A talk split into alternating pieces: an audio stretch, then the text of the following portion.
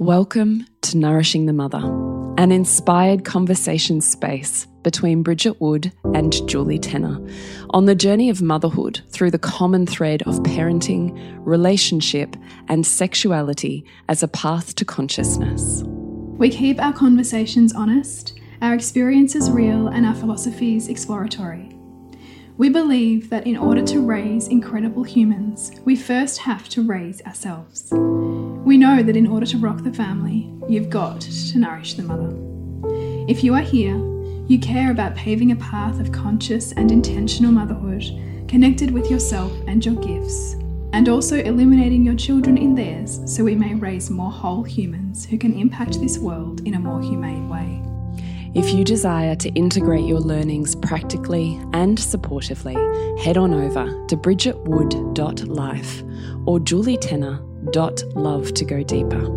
And for all live streamed, pre release podcasts and all our free content, head over to our free Facebook group, Nourishing the Mother with Bridget Wood and Julie Tenner. We are Julie Tenner and Bridget Wood, and we are so grateful you're here. Hello, and welcome to Nourishing the Mother. I'm Bridget Wood. And I'm Julie Tenner. And today's podcast is Managing Your Nervous System Through Resistance, our three step process for when you feel cornered in your parenting.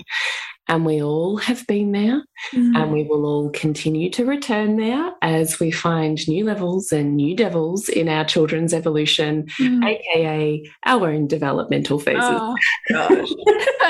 you just got it in one there, and like you know, I can't get enough of that saying. I mean, even though it's like the bane of our, all, all of our existences, right? Like new level, new devil, like yeah. new age, new stage, new like like new growth, new edge, like just ever evolving.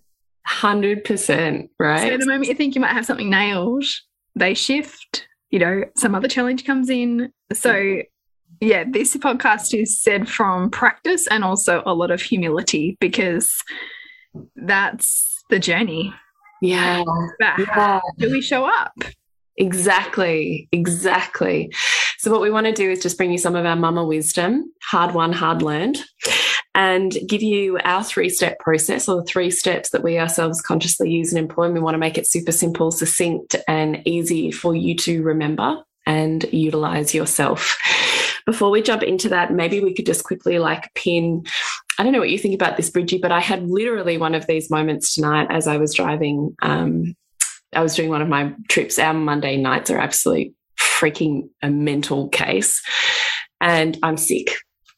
And so my brain's kind of not firing on all cylinders. And I have this 15 minute window to drop off two different families of kids and get my daughter to physio.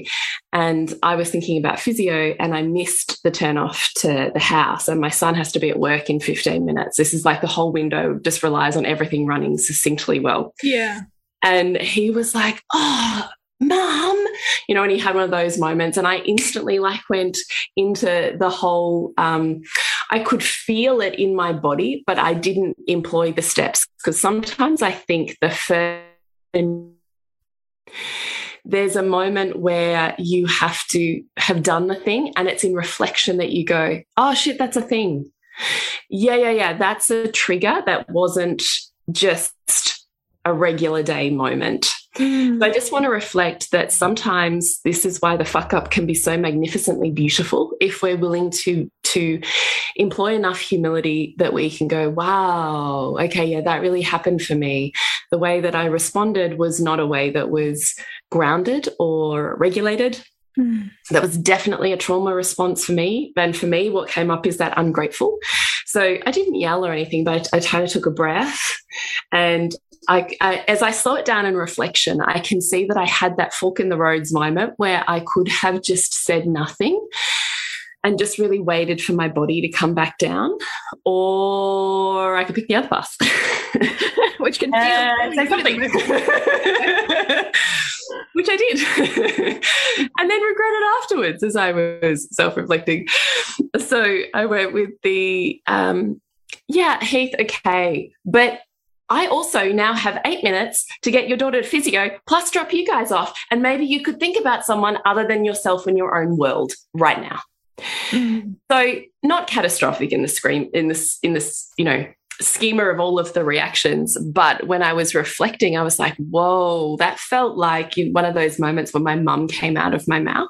Mm. And when we do those moments on autopilot, I think they can be quite confronting. Yeah. So I just want to preface this three steps with you're not ever going to nail it, right? Like we can all have all of the tools and still, you're not going to nail it all of the time. And still, there is perfection there.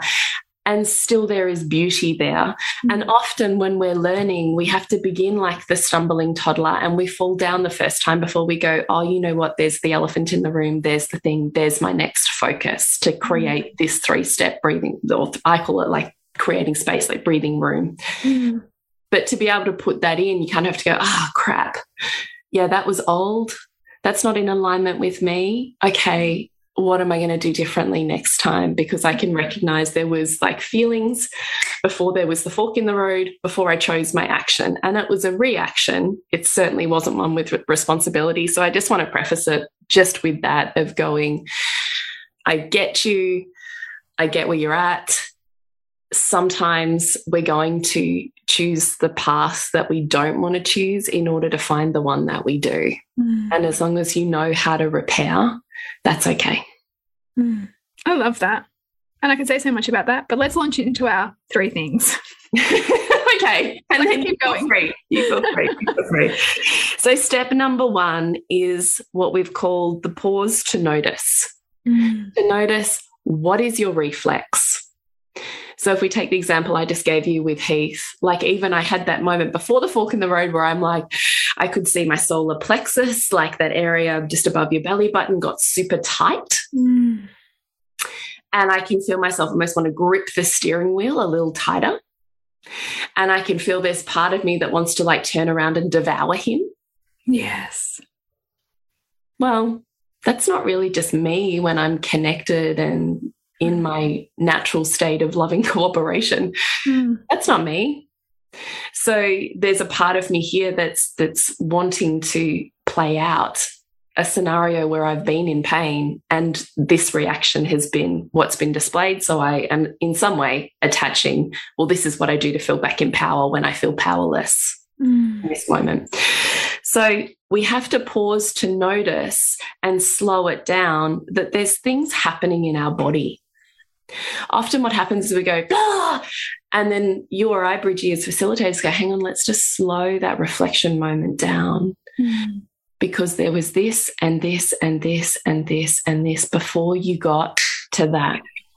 So, if we can just work out what your process is, what your trigger strategy or step by step, you know, cobblestone pathway is, then it becomes easier to first become, oh, there's that tightness. Oh, there's that desire to devour. Oh, this is a trigger. Mm. Because if you're not aware of something, you can't change something, right? So the first step has to be a pause when you notice that zero to hero reaction and look at what is my reflex and can I slow it down enough just to give myself enough space to choose a path that's in greater alignment? Mm. And this can, this can sound like easy, right? Like, oh, yeah, you just do this thing. But because some of these triggers can be so deep for us, mm. there can be so many like points that we need to look at and go, oh gosh, and then this happened and I responded like that. And I felt my chest completely tighten. And then I heard these words come out of my mouth that I've never heard before. And it requires the courage to lean in and not collapse into shame mm. when we do a process like this. Because if it's too shamey for us, then we don't want to look at it. And if we don't want to look at it, then it's really hard to change it super hard. And so even as you're listening, like because I can feel like some constriction in my chest, even just talking about this. So I wonder, even for those of you listening, if you can feel how it feels to consider where you didn't pause, right? And notice how that is in your body and just breathe into that place that feels tight right now. Mm. And to allow it to exist in you because often too we don't want to be in that feeling either so we'll just try to do the thing to get away from it but then it we give it power because we're moving so far away from it we're going to run back into it again mm. totally mm. i love that reminder too to breathe into the area that's tight yeah because mm. it's truth mm. step two is narrate what they want and your experience Mm, Mm, this is like if I was to like give parents of toddlers or you know any child, but particularly from like I don't know, almost birth really to like four or five, narrating their experience of what you see that they want or are asking for or seem to be needing is so powerful both for them to have a sense of feeling heard, but for us to create almost like a tiny pause in our nervous system that can calm our activation. Because what can happen a lot with toddlers and preschoolers is their neediness can feel too much for our system, and, and we want to resolve the neediness, but sometimes we try to resolve that by being snarky or or making meaning about what they're asking for, like whether it might be rude or um, you know whatever label that um, our kind of programming might put on on those needs but just taking a moment and i do this with my like nearly three year old constantly through the day is just oh you want water or oh you really want that that one right now mm. and it when she's in a like you know perhaps she's in a agitated tone and just me calmly paraphrasing back to her what i heard helps her system like take a tiny breath and me too have a moment before I then decide what I'm going to do with that information because we can't always give them everything that they want, but we can hear what they want and we can acknowledge that they want something. And then from there, we can then determine can I meet that?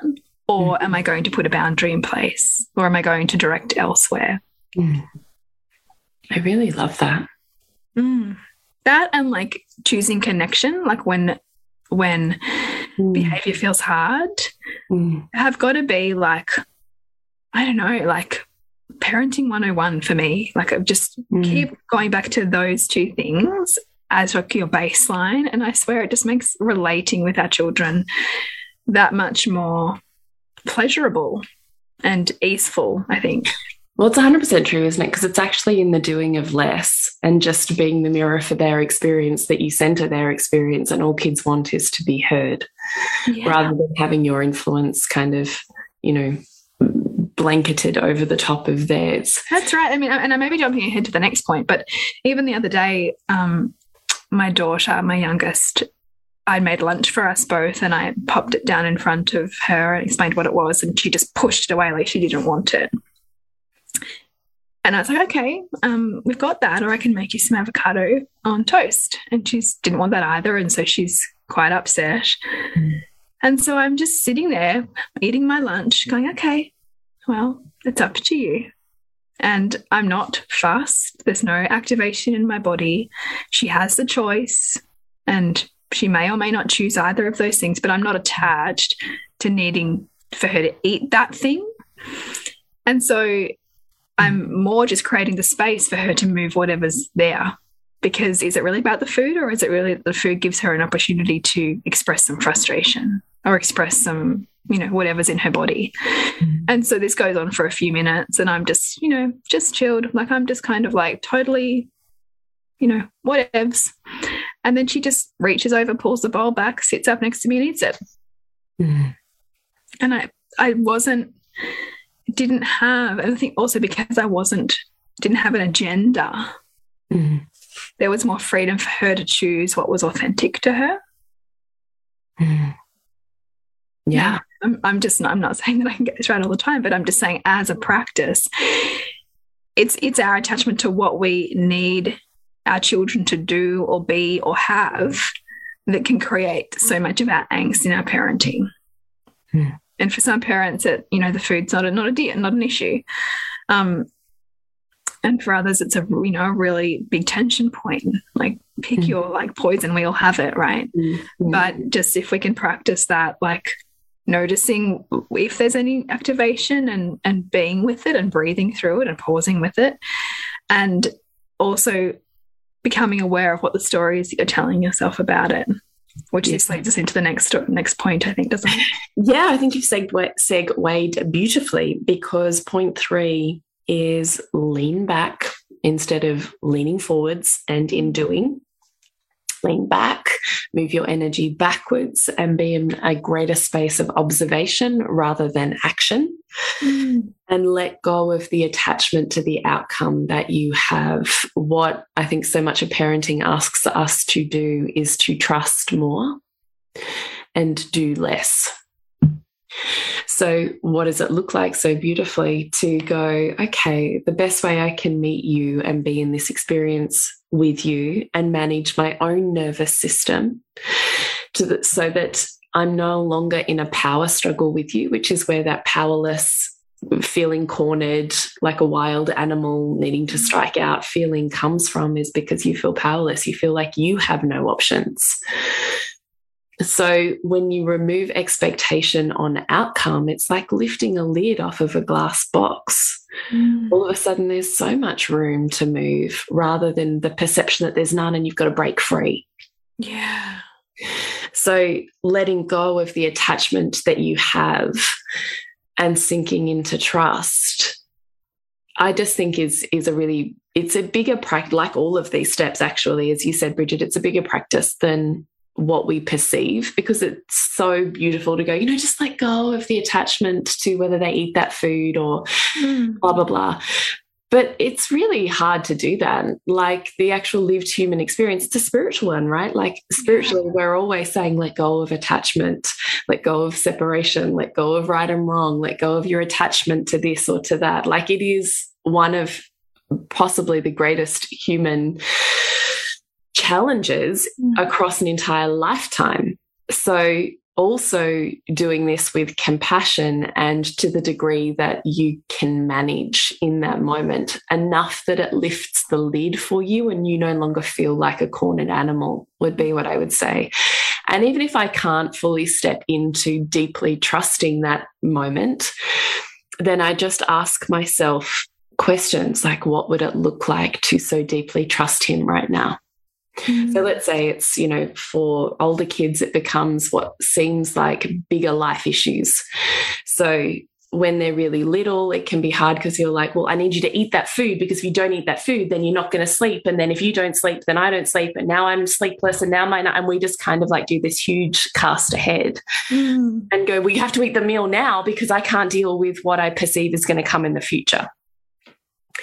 So the way to eliminate the fear is to just remind yourself that you can you trust them in this moment? Yeah. Come back to step one. Take a pause, take a breath. Wow, this is a thing for me.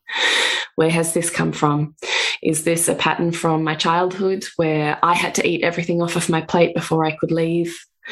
Is this fear of I'm casting forwards, going, well, it means they'll, they won't sleep? Mm. What do I need to be with with that? So, point one. Point two, narrate what they want. Okay, you don't want the avocado and toast. Yeah, I really see that.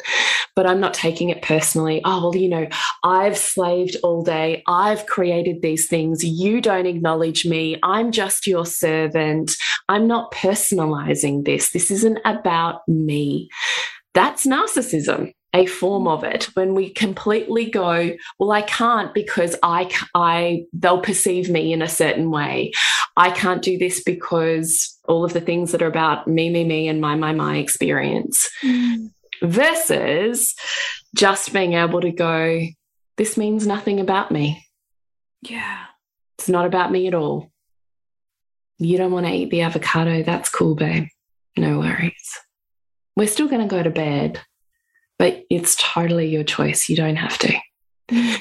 and just taking away the power that that thing has over you in this moment. And food is one of those very complicated things for many of us. Oh, absolutely. I mean, I, I, I, say that, like I say this, knowing that with my other daughter, food's a really big trigger for me with her. Um, it's so interesting, isn't it, that it can be with one and not the other? Yeah. Yeah, it is. Oh, it's more because Sylvie's a real sweet tooth, and I think, and I said, I commented to my husband, I'm like, I must have a really big unconscious, like stuff around my mum with food because I can get like really controlling. Um, yeah, it's just so good to know, isn't it? It is. Yeah, it's just one that what's one I'm. I think because I'm afraid of them developing really poor eating habits, like of like yeah, eating yeah. food. Yeah. Um.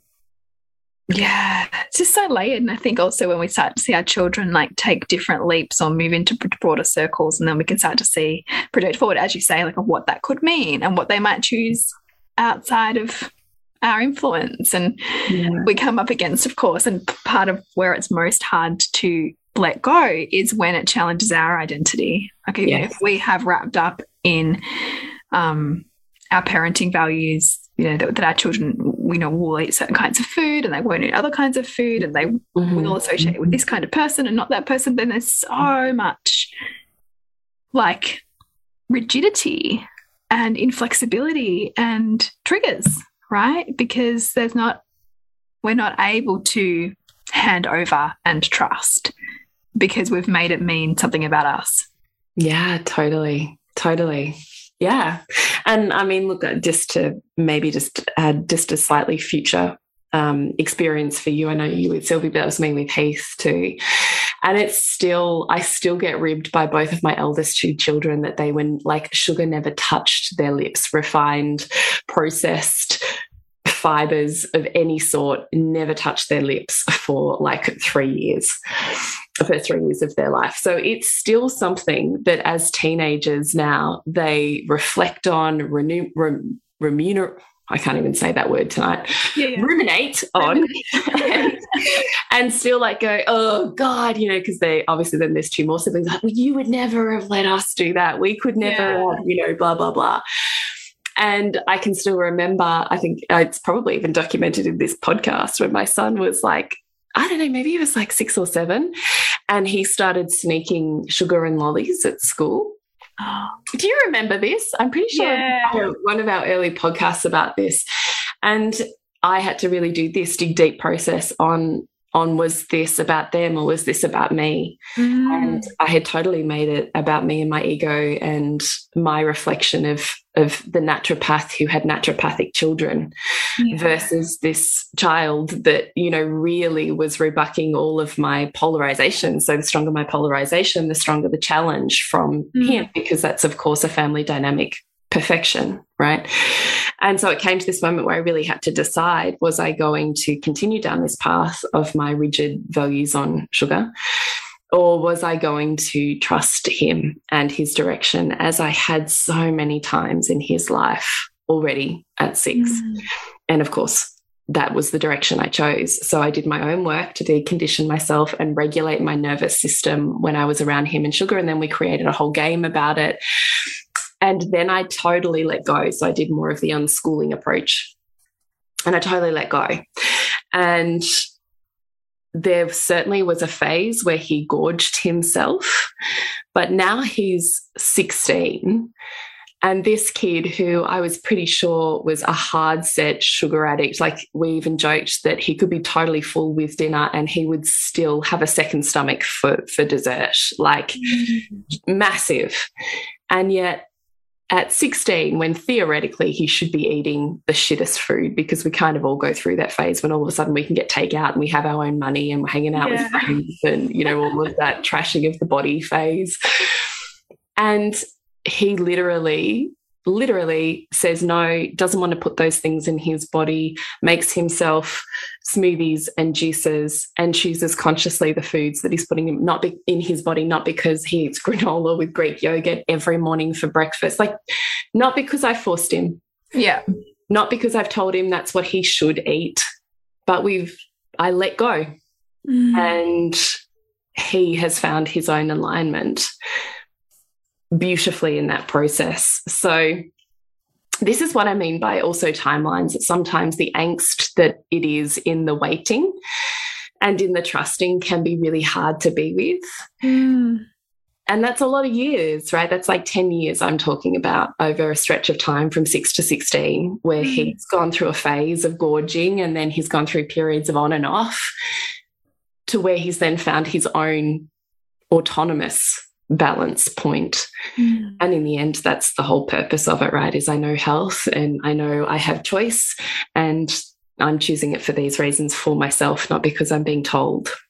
Yeah. So I don't know if that gives you hope or insight. Um, yeah, that, faith, maybe. Yeah, I, I, definitely have let go, but I can still feel the edge of like, like not too much, and like, yeah, balance, and yeah, like it's still an edge, edginess for me. Um, yeah, that's inspiring to ponder. Yeah, I was more just like, I get it, and still here's where I ended up. You know. Mm, mm. So yeah. time is a funny thing for us mums, isn't it? This podcast is brought to you by Honey Club and Reimagining Motherhood. Your spaces for intimacy and feminine embodiment, and conscious parenting and inspiring motherhood. Come join us at julietenner.love and bridgetwood.life. So, what I was going to say as part of that lean back is that lean back and letting go of the attachment and the meaning, it's really fucking hard. It's really mm. hard. And the bigger your kids get, I actually think the harder that is to do, even though it seemed like when I put myself back there, when, you know, the food at dinner and then sleeping through the night seemed like the world's hardest, most excruciating experience. Oh, my love, I know you can't know when you fast forward, but boy, versus decisions and life choices that can lead to suicide and death and sexual abuse and substance abuse and not finishing school, like versus life mm. choices when they're older, it's a very different state of play. So practice now while the choices are really still totally in your control, even though you have the perception that they're not. Yeah. Because there literally comes a point when the practice that you have instilled at one and two and four and five becomes the practices that you call upon when the stakes are higher. Mm. You don't yeah. just randomly parent a 16 year old like it's like the the mini conversations you've had every day for 16 years that now you get to fall back on. So the lean back and the letting go of attachment and the sinking into how could I trust you right now? And what would it mean to trust that you have everything inside of you that you need to navigate this?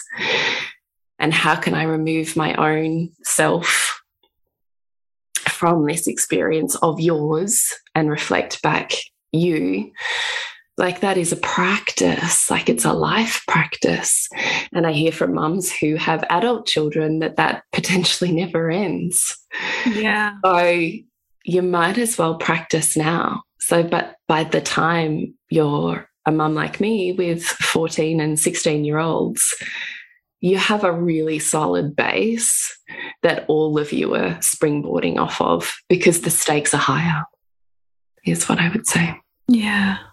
Gosh.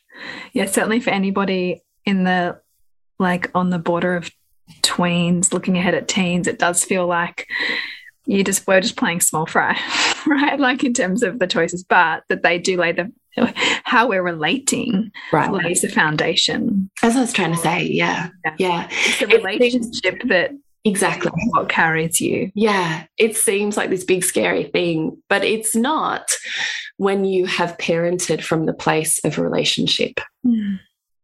But you got to do that shit now. Yeah. Because it makes then easier. You find a way to manipulate, control, and coerce now. I'm telling you, you are fucked by the time they're 14. Yeah.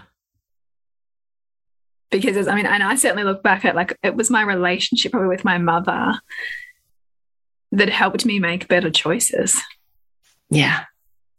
I think in hindsight. Yeah.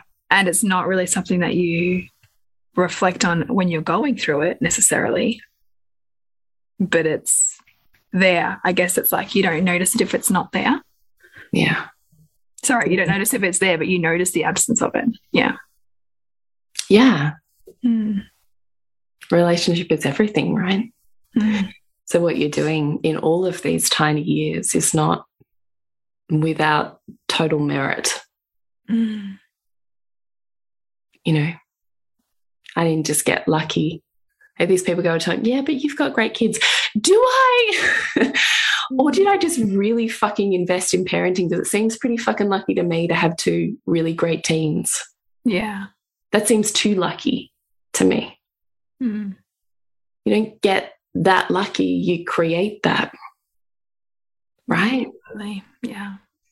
So the the tireless effort that you put in now to all of those patterns and all of that hard, excruciating work of meeting yourself for the first time, of feeling like the caged animal in each of those stages for the first time, of trying to work out how the fuck you are going to do this for the rest of your life. it does get easier. Yeah. Like I just like I that hard work, I promise, I promise, I promise you it pays off. Mm. You know, like there's this midpoint, I think, in mid to late primary school where I kind of went, oh, I don't actually know that there's any difference between mm. the way that I might parent and the way that other people might parent. And I was like, no, it all like the kids all seem pretty same-ish in their outcomes.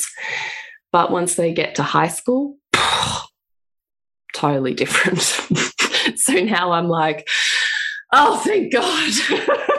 I you remember that there was a phase for you where you were feeling that, like you were like, yeah, I still think that now though, like grade three to six. I mean, earlier even like that whole primary school. I don't know that there's a huge difference. Mm. There'll be a couple of outliers for sure, but the general bell curve is not a huge difference. And so, do you see where where do you see? And we've kind of like deviated a little from the podcast. We've totally gone off our three points. But, but where do you? This is like a private conversation we're having publicly. But where do you see then? Because I'm fascinated by this, and also because my mom was a high school teacher for 30 years, so her and I would often talk about and notice like mm. families and different kids, and where do you notice the off the rails kids or the like because because the, the assumption can be they just come from like a bad home. Yeah. But that's not the case right? I don't think that's the defining moment on whether your kids are vaping skipping school doing drugs harming other humans. Mm. -hmm. i don't think that that's the defining moment no, I think it's a contributing factor for sure. I mean, privilege and classism is definitely going to be yeah. part of, of, what is accessible to you and therefore what opportunities you have and what support systems you have in accessing those opportunities. For sure, that's going to play in. Mm. But if we're just looking at a cohort of relatively similar socioeconomic backgrounds, so when I look at my kids are in a private school, so that's a particular demographic. Mm. That's a lot of privileged white people, mostly. So there's less variance there than what you would get in a public school. Yeah.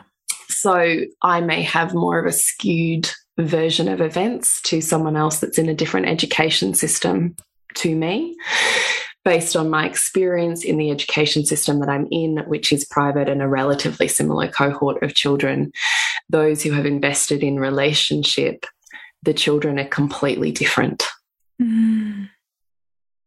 The choices they make and the way that they navigate themselves socially, sexually, relationally, and with the way that they handle the stress or increasing pressures of school and school performance mm-hmm. varies enormously.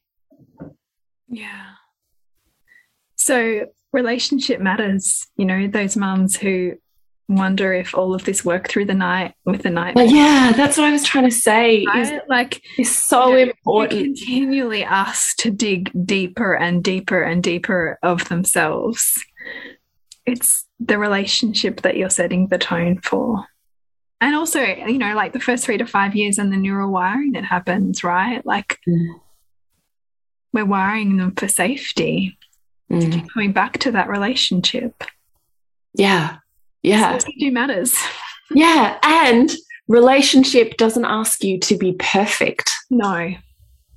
And in fact, you know, some of the most beautiful, beautiful connection comes through the fuck ups because you go back and you do the repair. Yeah. because we're always going to, we're humans, we're always going to have emotionally flood. And the tricky thing with emotional flooding is that emotional people, when all of us are in, when we're in that state, the reaction is often shaming. Mm. And so there's a deep amount of, of repair that needs to happen to help the child who we know we have shamed. Yeah. But in doing that, we also get to dig deep and unearth and heal our own shame. Totally. That we've left long ago, right? Yeah. Yeah. So please just know, beautiful listener of this podcast, that, oh Lord, do we see you? Like, we know what it is that you ask of yourself every day and every night. And for the younger version of myself, and I'll ask you in a minute, Bridgie, I would have loved a guarantee, not a guarantee, but just a cast forward or an insight or a string of a thread of hope from a mum who made life choices like me and said, There was this point where I'm so grateful I could cry, like just like so grateful to that self of mine back then who made those choices. And he mm-hmm. knew there were no guarantees. And he was told over and over and over that it made no difference. Yeah. Who's standing here going, it makes a really big fucking difference. Yeah. What would you say to your younger self? Oh, I would just say, like, and I think probably for so many mums, it's the sleep. It's mm. the sleep that feels like it's going to break you. Mm and the thousands and thousands of hours that I've spent laying with my children or getting up to them in the night, mm. I wouldn't change it.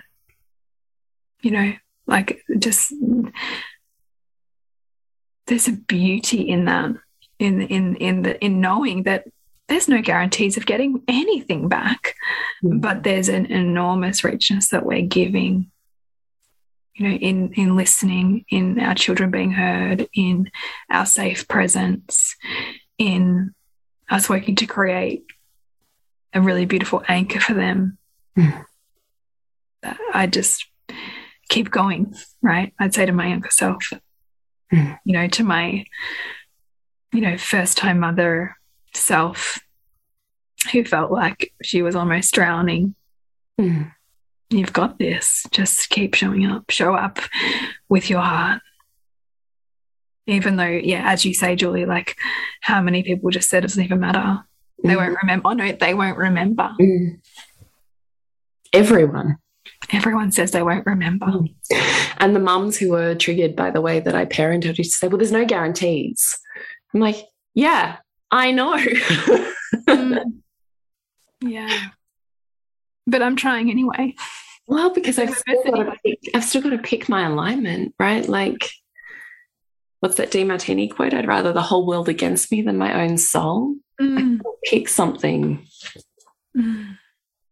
that wasn't a whole bodied yes from me. Mm. Yeah. I mean, you've got to, it's that whole thing like, whatever you choose in life, you're going to be choosing some form of a shit sandwich, right? to be easy. So, what do you want to choose? What yeah. road do you want to make yours? Yeah. What's his shit sandwich for sure? On that lovely note. What's happening in your world, Jules? Um, well, I just have to remind you that you can still access the Set It Up, Set Sexy Up download. It's a free 16 page guide that I put together so that you set yourself and your partner up to succeed for shining the light on your intimacy and relationship. Relate. I cannot speak tonight. Can everyone? I'm just apologies. My brain has kind of left my body. I think you've. I think you've done remarkably well. I'm feeling pretty average. Thank you. So you can grab your Set Sexy Up download at julietenner.love forward slash set it up. And you, Bridgie? Yes, we are still talking all things rage and repair in the Reimagining Motherhood membership. So if you can want to have some more support, want to have a community around you and just, you know, have a kind of guiding a guidepost for your mothering, then please join Reimagining Motherhood. You can find out more at bridgetwood.life. Magic. Remember to nourish the woman to rock the family. And we'll see you next week when we continue to peel back the layers on your mothering journey. Thank you so much for listening. We literally couldn't do this without you. please share this podcast with anyone you think it would be medicine for. If you desire to integrate your learnings practically and supportively into your life, then head on over to bridgetwood.life or julietenner.love to go deeper.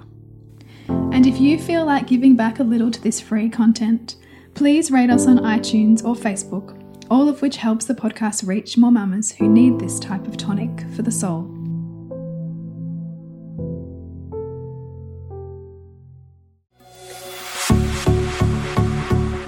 This has been a production of TheWellnessCouch.com. Check us out on Facebook and join in the conversation on Facebook.com forward slash The Wellness Couch. Subscribe to each show on iTunes and check us out on Twitter. The Wellness Couch, streaming wellness into your lives. Whilst the Wellness Couch presenter endeavor to provide accurate and helpful information to their listeners, these podcasts cannot take into account individual circumstances and are not intended to be a substitute for health and medical advice from a qualified health professional. You should always seek the advice of a qualified health professional before acting on any of the information provided by any of the Wellness Couch podcasts.